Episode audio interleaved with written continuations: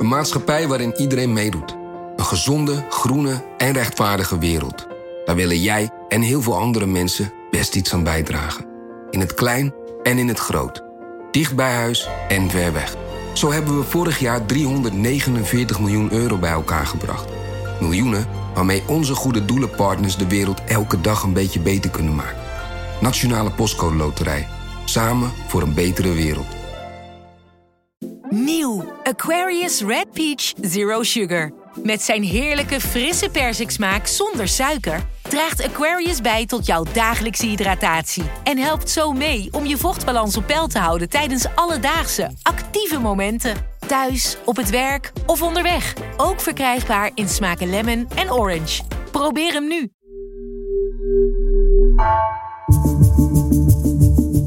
Vanaf de redactie van NRC het verhaal van vandaag. Mijn naam is Egbert Kalsen.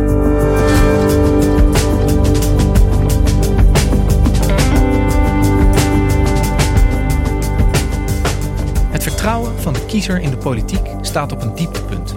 En politici weten niet goed hoe ze hiermee om moeten gaan, hoorde chef politiek Guus Valk. Vandaag beginnen de algemene politieke beschouwingen, het belangrijkste debat van het jaar. Hoe zien we die vertrouwenscrisis hierin terug?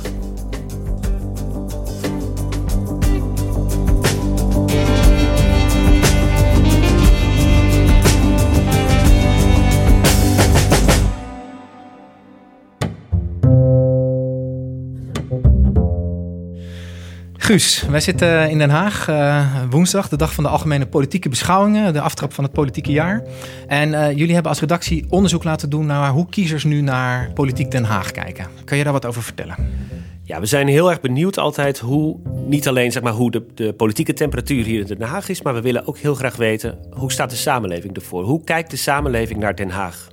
En uh, net als vorig jaar hebben we INO Research gevraagd om te onderzoeken hoe groot het vertrouwen is in politiek, in instituties, in individuele politici, om een goed beeld te krijgen van ja, hoe kijken mensen hier nu eigenlijk naar. Ja, die resultaten van dat onderzoek, daar gaan, we, daar gaan we het zo over hebben. Maar wat was jouw eerste reactie toen je het onderzoek van dit jaar binnenkreeg?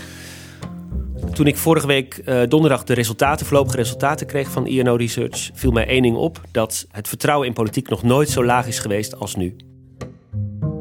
Het vertrouwen in de politiek is laag. Omgekeerde vlaggen, boeren die snelwegen blokkeren en brandende hooibalen. Het lijkt een dieptepunt, maar het vertrouwen is al langer laag.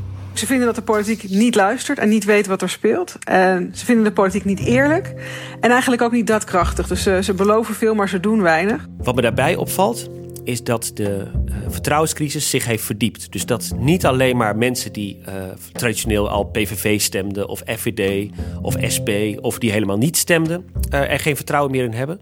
Maar dat ook kiezers van bijvoorbeeld de ChristenUnie, D66 ook beginnen af te haken. En dat is wel echt heel opmerkelijk en ja, ook wel heel erg zorgelijk zou je kunnen zeggen. Ja, gisteren was het Prinsjesdag en nou, vandaag begint dus dat belangrijke politieke debat, hè, de aftrap van het politieke seizoen. Als ik jou zo hoor, dat is niet echt een, een lekker gesternte waaronder ze dan moeten beginnen. Vandaag begint dag 1 van de algemene politieke beschouwingen. En dat is eigenlijk de politieke hoogmis van het uh, hele politieke jaar. Bij de algemene politieke beschouwingen zitten alle ministers en staatssecretarissen in vak K, zo heet dat, het vak hier in het parlement waar de kabinetsleden altijd te gast zijn. En de fractievoorzitters van de inmiddels twintig fracties voeren een debat met Mark Rutte, uh, met de premier, over de plannen van het kabinet. Dit is het debat waarin je moet laten zien als fractievoorzitter. Het is natuurlijk veel moeilijker om zo'n debat te voeren als je weet dat kiezers met zoveel wantrouwen naar jou kijken. En helemaal niet zomaar aannemen wat jij, wat jij zegt. Niet alleen maar kiezers die je nog niet veroverd hebt, maar ook je eigen achterban. Dus dat geeft wel een heel soort speciale lading, denk ik, aan deze twee dagen. Dus er is niet alleen een asielopvangcrisis, er is niet alleen een energiecrisis, er is niet alleen een stikstofcrisis, maar er is ook echt een vertrouwenscrisis. Precies. Ja. Misschien is het goed om heel even naar die resultaten van dat onderzoek te kijken. Hoe uitzicht nou dat wantrouwen van de burger in de politiek? Wat hebben jullie gezien? Het eerste dat opviel was dat het vertrouwen in het kabinet het laagste was wat ooit gemeten is door INO Research. 78% van de ondervraagden is niet tevreden over Rutte 4. Dat is echt ongekend. Eind vorig jaar was dat wantrouwen nog 63 procent. En in de coronacrisis overigens was het wantrouwen maar ongeveer 30 procent. Dus dat is gigantisch toegenomen in heel erg korte tijd. En we zijn natuurlijk het meest benieuwd hoe kijken mensen naar Mark Rutte, hè, de leider van de VVD, de premier van Nederland. Hij krijgt op dit moment een 4,5 als uh, rapportcijfer. Dat is nog nooit zo laag geweest. Vorig jaar scoorde hij nog een 5,6. Dat was al laag, maar dat was nog net een voldoende, zeg maar. Als ik vroeger een 5,6 haalde op mijn tentamen, dan uh, was ik tevreden. maar we hebben ook aan kiezers gevraagd: hoe kijkt u naar Mark Rutte? Vindt u bijvoorbeeld dat hij over zijn houdbaarheidsdatum heen is? Nou, dat vinden kiezers inderdaad. 71% van de kiezers vindt dat. Dus welke vraag je ook stelt, je komt er eigenlijk voortdurend achter dat de kiezer het op dit moment niet ziet in Mark Rutte als premier. En dat is iets nieuws. Want tot nu toe, denk bijvoorbeeld aan de coronacrisis, waren kiezers ook vaak heel ontevreden over beslissingen van het kabinet. Maar dan zeiden ze altijd: ah, het is de schuld van Hugo de Jonge of het is de schuld van het RIVM. Dus het gleed altijd van Rutte af. En wat je nu ziet is dat de vele crises die er op dit moment spelen, zich toch op een bepaalde manier aan Rutte beginnen vast te kleven. En dat kiezers daar genoeg van krijgen. Ja. We hebben het steeds over wantrouwen in de kiezers en dat dat iets heel erg zou zijn. Maar het is misschien wel goed om te zeggen dat het niet alleen maar erg is dat burgers de politiek wantrouwen. Kijk, een land waar 100% van de bevolking vertrouwen heeft in de politiek, moet je natuurlijk ook een beetje wantrouwen. Hè? Dus, dus in dat opzicht uh, zou je kunnen zeggen, je moet altijd een beetje, zeg maar, ergens tussen 0 en 100 zitten. Dus je moet niet per se daar te grote conclusies aan verbinden. Maar het is wel zo dat het wantrouwen nu zo groot is dat het echt heel zorgelijke vormen begint aan te nemen. Ja. Waarom is dat vertrouwen zo uh, nou, gekelderd, mag je wel zeggen, de afgelopen tijd? Het ligt aan een paar dingen. Ten eerste, we constateerden vorig jaar ook een vertrouwenscrisis. Maar toen lag het in met name de toeslagenaffaire. En het zat hem in het feit dat er een hele lange formatie was. En dat Den Haag eigenlijk helemaal stil kwam te liggen. Er werd helemaal niet meer aan iets gewerkt. En kiezers irriteerden dat mateloos, dat er geen beleid werd gevoerd. Wat je nu ziet, is dat er wel beleid wordt gevoerd en dat er ook plannen zijn, maar dat de, de kiezer het de politiek kwalijk neemt dat er zoveel crises tegelijk zijn. Er is een stikstofcrisis, uiteraard een klimaatcrisis, de energieprijzen zijn eh, gigantisch hoog. En ze verwachten op dit moment dat de regering regeert. Ja. En dat gebeurt in hun ogen in onvoldoende mate. Wat je daardoor krijgt, is dat ze al die crises die er spelen een beetje bij elkaar beginnen op te tellen. En dat ook bijvoorbeeld de toeslagenaffaire, die vorig jaar nog min of meer een beetje op zichzelf stond, eigenlijk heeft gezorgd voor een soort verdieping van het wantrouwen. Dat ze denken, ja, wacht even, uh, niet alleen hoe goed bestuurt deze overheid nog, maar hoe integer is deze overheid. Ja, dus de, de hele optelsom van crisis wordt gevoeld en, en het volk schreeuwt om, om, om regeer ons, help ja. ons. Hoe zie jij dat terug? Want jij loopt hier al een aantal jaren rond. Hoe zie jij zeg maar, dat wantrouwen terug in de wandelgang? Zie je daar iets van terug bij de politici? Nou, ze hebben het er veel over als je met ze praat. Dat ten eerste. Je ziet het ook gewoon als je hier buiten het Kamergebouw uh, staat op een dinsdag. Dan zie je de groepjes mensen demonstreren. Dat is in de afgelopen paar jaar. Ik loop hier nu weer vier jaar rond. Ik heb hier in een vorig leven ook rondgelopen. Dat is echt, in de, zeker in de coronatijd, echt veel meer geworden. Dat burgers zich laten horen. En ook hier voor de deur staan, letterlijk. Om politici aan te klampen en uh, te zeggen wat er in hun ogen allemaal niet deugt. Bij het Tweede Kamergebouw verzamelden zich ondertussen tientallen boeren. Ze hoopten met hun actie politici nog op andere gedachten te brengen, maar dat is dus niet gelukt. Ik melk ongeveer 60 koeien. Ik ben, ben een klein bedrijf, ik ben een biologisch bedrijf, ik heb heel veel natuur in gebruik. En nog ja, is mijn toekomst zo onzeker. Dat kan niet. En Guus, jij zei net dat de algemene politieke beschouwingen die vandaag beginnen eigenlijk een beetje door de bril van dat toenemend wantrouwen bekeken moeten worden. Hè? Waar moeten we op letten zeg maar, als het gaat over dat debat wat de komende twee dagen hier gaat plaatsvinden? Iets om bijvoorbeeld op te letten is de vraag hoe compromisbereid de fracties zijn. Dus hoe ver zijn ze bereid om water bij de wijn te doen om een bepaald resultaat te boeken? Want een dilemma dat alle politieke partijen, zeker die in de coalitie hebben, is wat, wat laten we voorgaan? Zeg maar het, het regeren van het land of het laten zien van onze eigen politieke kleur. En dat is een heel ingewikkeld spanningsveld waar, waar politici ook niet altijd goed uitkomen. Dus het wordt voor mij heel interessant om op dat dilemma te letten. Jij hebt met collega Petra de Koning samen heb jij de vier fractievoorzitters gesproken, ook van de coalitiepartijen. Hè? Ja. Hoe bespeurde je dat wantrouwen daar? Ja, we zijn bij de vier fractievoorzitters eh, langs geweest, op de koffie geweest. Hè. Dus Gert-Jan Segers van de ChristenUnie, Pieter Heerma van het CDA, Sophie Hermans van de VVD en Jan Paternotte van eh, D66. Zij moeten uiteindelijk inderdaad ook straks het compromis gaan verdedigen in de algemene politieke beschouwingen. En we hebben eigenlijk met hen over dit dilemma gehad. Van je ziet het toenemende wantrouwen, niet alleen in het compromis, maar ook in politiek als geheel. Hoe ga je daar nou eigenlijk mee om? In hoeverre uh, ga je bijvoorbeeld om met een achterban die mort? Als er compromissen worden gesloten worden over stikstof bijvoorbeeld. Hebben we nu bij het CDA bijvoorbeeld gezien. Hè? Dat de achterban het helemaal niet zag zitten. En die met behoorlijk veel succes eigenlijk in verzet kwamen. Hoe ga je daar dan vervolgens mee om? Ga je het compromis verdedigen, dat in het regeerakkoord staat? Zeg je, nou, dit hebben we nu eenmaal afgesproken. Of krijg je toch slappe knieën? En over dat dilemma hebben we het met ze gehad. Zullen we eens even aflopen? Uh, we hadden het over het CDA. Wat, hoe staat Pieter Heerma hierin? Nou ja, het CDA is, is, eigenlijk een hele interessante. Want uh, zij hebben op dit onderwerp toegegeven. Ze hebben gezegd in 2030, dat staat in het regeerakkoord... moeten de stikstofdoelen gehaald zijn. De 50% stikstofreductie.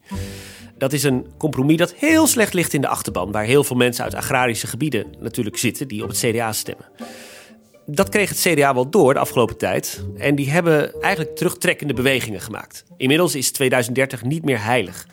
Dus dat hele compromis bestaat niet meer, zou je kunnen zeggen. Het compromis in de samenleving en in de politiek is het beste manier om problemen op te lossen, om geschillen te, te, te, te beslechten.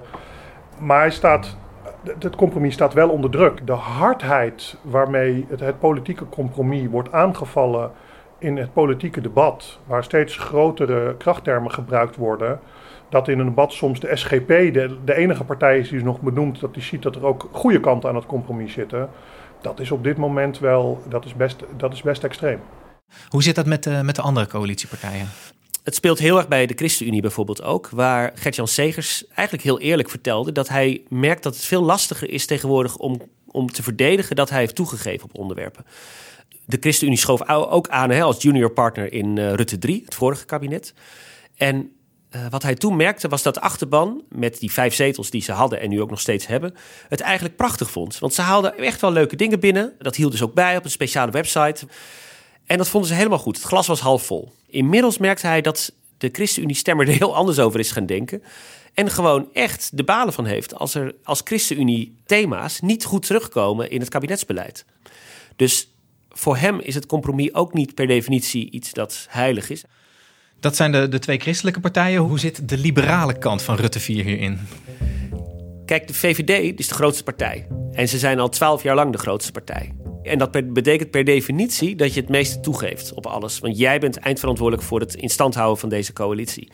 Dus compromissen sluiten zit de VVD inmiddels echt wel in het bloed. Hoewel Sofie Hermans van de VVD wel echt duidelijk maakte dat zij ziet dat er een maatschappelijke omslag gaande is, merkten wij bij haar ook wel een zekere vanzelfsprekendheid in het feit dat compromissen sluiten er nu eenmaal bij hoort. Ja, als het vertrouwen laag is, dan snap ik dat een oplossing die komt, dat mensen die ook minder snel vertrouwen. En we hebben, het is natuurlijk ook in de afgelopen jaren zijn ook dingen niet goed gegaan. Uh, of heeft de overheid of de politiek uh, niet geleverd waar dat wel had gemoeten. En dan is het dus nu aan ons hier in de politiek om problemen op te lossen. En ja, daarvoor hebben we wel het compromis heel hard nodig. Zij stond er eigenlijk vrij relaxed in, zou je kunnen zeggen. Hetzelfde geldt een beetje van Jan Paternotte van D66. Ze verdedigen wat ze binnenhalen, maar vinden het ook prima als ze dingen niet binnenhalen. Een voorbeeld daarvan is de asielcrisis. Natuurlijk die schrijnende beelden in Ter Apel. Het compromis dat uiteindelijk gesloten werd is... ja, er komen meer opvangplekken in het land voor deze mensen... Maar, en dat had de VVD dan weer binnengehaald, er komt een tijdelijk verbod op gezinshereniging. Dat is een buitengewoon lastig en omstreden punt bij D66. Je zou denken, dat is zo omstreden en juridisch ook omstreden, dat de achterban gaat stuiteren. Dat iedereen dat onacceptabel vindt. Dat uh, Paternotte misschien, ja, daar misschien nog tegen in zou gaan. Maar dat, dat bleek in de praktijk heel erg mee te vallen. Wat je zag gebeuren is dat hij eigenlijk ging verdedigen wat hij wel had binnengehaald. En vrij makkelijk heen stapte over de dingen, de hordes die ze lastiger vinden. Dat, dat werd wel benoemd, maar daar werd niet een heel groot punt van gemaakt. Ik denk dat je daar wel in zag dat de liberale partijen toch iets minder gewetensnood hebben bij dit fenomeen dan de christelijke partijen. En tegelijkertijd, jij zegt ook de, de bereidheid om compromissen te sluiten, die staat, die staat wel degelijk onder druk. Hè? Ze voelen allemaal dat wantrouwen wat die burger in, in de overheid heeft. En dat maakt dat ze, dat ze scherper letten op waar zij eigenlijk voor staan, als ik het even zo moet vertalen. Als jij die vier fractievoorzitters nu allemaal zo hebt gehoord, hè, wat denk jij dan dat dat gaat betekenen voor die bereidheid om compromissen te sluiten? Ik bedoel, we zitten in een tijd waarin ongelooflijk veel beslissingen verwacht worden van de overheid. Hoe, hoe gaan ze dat doen dan? Ja, dat is het lastige, want het dilemma nu is: gaan we ervoor zorgen dat het land regeerbaar blijft, dat er beslissingen worden genomen, dat de bevolking ziet dat we echt wel uh, serieus bezig zijn? Of gaan we juist onze ideologische veren heel erg laten wapperen en laten zien waar we echt voor staan? Hoe gaan we dat dan terugzien, denk je, in die politieke beschouwingen? Wordt dat de hele tijd zo'n worsteling? Of? Ik denk dat je die worsteling op momenten zeker terug zal zien. Het is wel zo dat de politieke beschouwingen vaak gaan over geld. Hoeveel miljoen uh, of, en hoeveel miljard gaat er naar een bepaalde maatregel. En geld maakt alles altijd weer net ietsje makkelijker. Dus je kunt altijd zeggen van nou we gooien er een bak geld tegenaan. Dat, daar kom je weinig op principiële keuzes denk ik uiteindelijk uit. Het wordt pas lastig als er bijvoorbeeld, zoals afgelopen maanden, opeens overal omgekeerde vlaggen hangen. Of als er opeens asielzoekers buiten in Ter Apel slapen. Als grote problemen opeens heel schrijnend en zichtbaar worden, omdat ze duiden op een gebrek van de politiek om een antwoord te geven op sentimenten die er leven in de samenleving. Ja, en, en die vier partijen die nu met elkaar de regering vormen, die zijn eigenlijk tot elkaar veroordeeld. Ik hoor jou ook een beetje vertellen dat zij zoeken naar welke opstelling ze nou moeten nemen. Je zou je ook voor kunnen stellen dat ze gewoon beter uitleggen: jongens, dit land kan alleen maar geregeerd worden door compromissen. Hoe, hoe kijk jij daar tegenaan? Wat er uiteindelijk toch zal moeten gebeuren, is een zekere mate van compromisbereidheid bij deze vier partijen. En ook uh, toch ook het betrekken van de oppositie daarbij. Er is hier een soort urban legend in Den Haag. En dat is de persoon van Diederik Samson. Samson was PvdA-leider in 2012. En hij werd in de ogen van mensen nu eigenlijk het vlees geworden compromis. De man die altijd compromissen wilde sluiten. Je hoort dat terug in de afscheidsbrief die Khadija Ariep, de toenmalige Kamervoorzitter, voorlas van Samson op de dag dat hij vertrok uit de Kamer. In 2016 was dat. Beste Khadija, het is me onvoldoende gelukt om mensen te winnen voor de kracht van het compromis, voor de schoonheid van naar elkaar luisteren in plaats van tegen elkaar schreeuwen. En voor Hij heeft het over de kracht van het compromis. Het grappige is dat dat in de Haagse wandelgangen de gruwelijke schoonheid van het compromis is gaan heten. Ik, ik citeer altijd met, met, met, met graagte Diederik Samson, een andere oud-collega, die altijd zei: de gruwelijke schoonheid van het compromis. En dat is thuis zo, dat is op je werk zo. En ik vind dat we dat ook in de politiek moeten waarderen. Ik weet niet precies hoe dat in de wereld is gekomen, maar iedereen heeft het er altijd over dat Samsom heeft beweerd dat er een gruwelijke schoonheid in het compromis zit. Met de gruwel zit er natuurlijk in dat je iets, iets van jezelf, iets uit je ziel trekt om een groot hoger doel te dienen. En die woorden van Samson die zijn dus uh, zes jaar oud inmiddels. Het is hem niet gelukt om die kracht of die gruwelijke schoonheid van dat compromis, hoe we het ook willen noemen, om dat zeg maar te verankeren in, in de huidige politiek. Hoe, hoe kijken ze daar nu tegenaan dan? Klopt. En wat vaak politici zeggen, dat een groot deel van de Kamer politiek inmiddels ziet als een soort zero-sum game, waarbij je alleen maar je zin krijgt of helemaal niet je zin krijgt. En heel veel wijzen daarnaar. Dus dat de politieke cultuur in dat opzicht ook iets verandert. Dus is deels is, het, is, is die politieke cultuur en ook die cultuur van versnippering natuurlijk alleen maar verder gegaan versnippering heeft er ook voor gezorgd dat partijen steeds meer getuigenispartijen zijn geworden. Waarbij het veel meer gaat over wie ben je en waar sta je voor, dan om hoe haal je resultaten binnen. Want als jij drie zetels hebt, is het niet per se heel belangrijk dat je meebestuurt of mee onderhandelt. Het gaat er ook om dat je de kiezer duidelijk maakt: dit is mijn kleur, dit is waar ik voor sta. Dus de versnippering heeft denk ik ook gezorgd voor een erosie van het politieke midden. Is natuurlijk niet alleen maar somber gepraat van die uh, politici. Sommigen zien ook wel degelijk een soort herwaardering van het compromis opduiken. Ze zien ook dat veel kiezers op een gegeven moment ook genoeg krijgen van uh, het voortdurende burgerlijke ongenoegen dat ze om zich heen zien. En ook willen dat er weer geregeerd wordt, dat er weer compromissen gesloten worden. Want Guus, tenslotte, ik krijg zelf een beetje het gevoel dat, stel dat ze erin slagen om met al die pakketten en al dat geld wat ze nu hebben klaargezet, om in ieder geval een deel van de crisis waar de burger mee geconfronteerd wordt uh, op te lossen, dan neemt de druk van buitenaf hè, op Den Haag neemt ook weer af. Zou dat wat jou betreft ook weer tot een, tot een herwaardering van dat compromissen sluiten en coalitiepolitiek kunnen leiden? Het zou misschien wel helpen als politici ietsje beter werden in het compromis duidelijk herkenbaar naar voren brengen. Dus ze hebben soms moeite om te verdedigen waarom ze een compromis gesloten hebben, wat überhaupt een compromis was. Het viel me bij de asielcrisis bijvoorbeeld op dat ze alleen maar gingen vertellen wat ze zelf binnen hadden gehaald. Ja, en dat is natuurlijk maar de helft van het verhaal. Ze, ze hebben ook heel veel dingen ingeleverd. En ik denk dat kiezers dat heel goed snappen, dat dat nu eenmaal moet. Maar partijen zouden ook wel weer iets minder schroom mee mogen hebben, denk ik. En dan iets, iets meer zeg maar, tegen het, het wantrouwen van de burger. En zeggen van dit was nodig en daarom hebben we het gedaan. Ja. ja.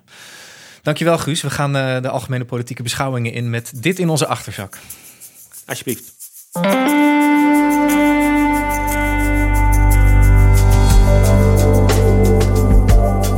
Je luisterde naar vandaag, een podcast van NRC. Eén verhaal, elke dag. Deze aflevering werd gemaakt door Julia Vier, Nina van Hattem en Jeroen Jaspers. Dit was vandaag, morgen weer.